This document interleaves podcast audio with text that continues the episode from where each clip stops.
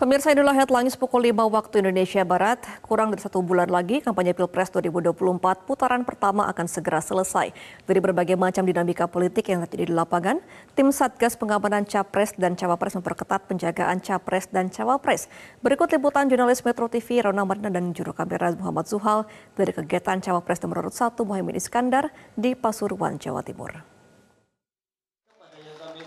Dari sebulan lagi, kampanye Pilpres 2024 ini akan segera berakhir di putaran pertamanya di balik dinamika politik yang ada di tengah-tengah masyarakat hingga saat ini, para kandidat calon presiden dan juga calon wakil presiden tentu saja memiliki tantangan tersendiri, termasuk dari mulai berdesakan di tengah masyarakat hingga belakangan ini terjadi ancaman pembunuhan untuk salah satu pasangan calon.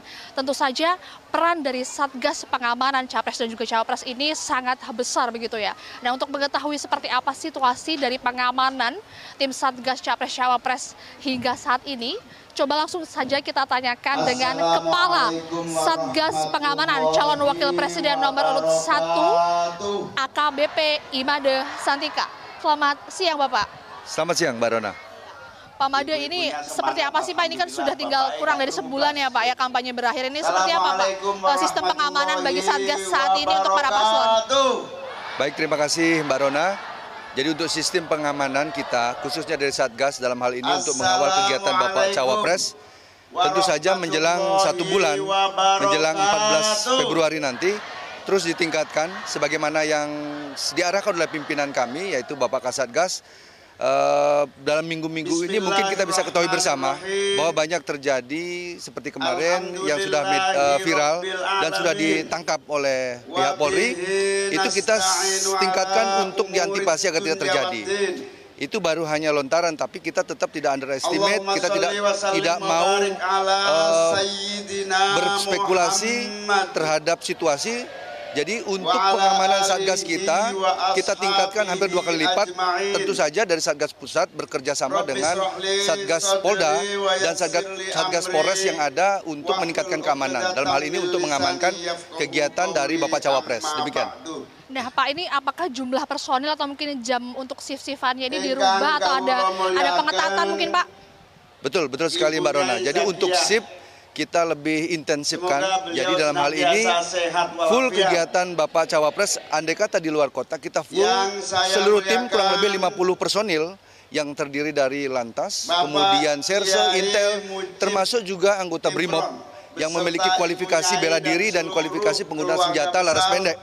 Kita libatkan seluruhnya sepenuhnya 24 jam untuk mengawal kegiatan Bapak Cawapres. Seperti Mbak Rona bisa lihat, anggota kami dalam sisi kiri, sisi kanan dan belakang sampai dengan exit pun seluruhnya sudah kita siagakan. Demikian, Mbak Rona. Nah, Pak berarti kalau antisipasi di tengah-tengah masyarakat ada yang berebut foto dan salaman dan sebagainya itu bagaimana Pak antisipasinya sekarang? Apakah ada persamaannya dengan yang dulu atau sama saja? Betul sekali Mbak, kalau kita lihat, jadi menjelang beberapa bulan akhir ini untuk intens intensitas dari masyarakat yang ingin berfoto tentu sangat meningkat ya. Tetapi tetap saya arahkan kepada anggota sebagaimana juga arah pimpinan, kita tetap tegas namun tetap humanis.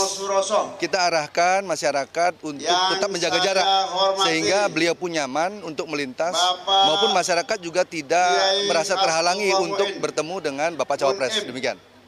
Oh berarti uh, arahan seperti ini selain dari Polri sendiri, apakah juga ada arahan dari dari paslon Pak untuk humanis tapi tetap tegas begitu?